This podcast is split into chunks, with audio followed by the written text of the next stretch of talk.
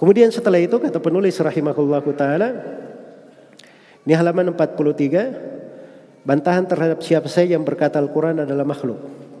Kata beliau man inna hadhihi al-ayata makhluqatun fa huwa kafir. Innani ana Allah la ilaha illa ana fa'budni. Wa ma kana Allah liya'muru Musa ay ya'budu makhluqan. Kata beliau siapa saja yang berkata ayat ini adalah makhluk sesungguhnya dia telah kafir. Ini ayatnya di surat Toha Sesungguhnya aku adalah Allah, tidak ada ilah yang berhak diibadai kecuali aku, maka sembahlah aku. Jadi ini bantahan terhadap kelompok Jahmiyah ya yang mengatakan Al-Quran itu makhluk. Jadi kalau memang Al-Quran itu makhluk, berarti ayat ini makhluk. Iya.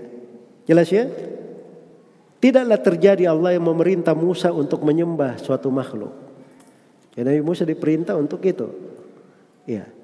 Sembahlah saya. Berarti Nabi Musa diperintah untuk menyembah siapa? menyembah makhluk itu tidak terjadi. Sama ketika kita baca doa pagi dan sore.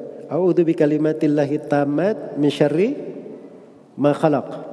Saya berlindung kepada Allah dengan kalimat-kalimat Allah yang maha sempurna dari keburukan apa yang dia cipta. Jadi kalau kalimat Allah itu makhluk, artinya kita disuruh berlindung kepada makhluk. Itu hukumnya syirik akbar. Tidak mungkin Nabi mengajarkan syirik akbar. Jelas ya? Baik itu sudut-sudut pendalilan dan ini sudah kita terangkan ya. Sudah kita terangkan dari metode-metode pendalilan yang menunjukkan batilnya ucapan Jahmiyah yang mengatakan Al-Quran itu makhluk.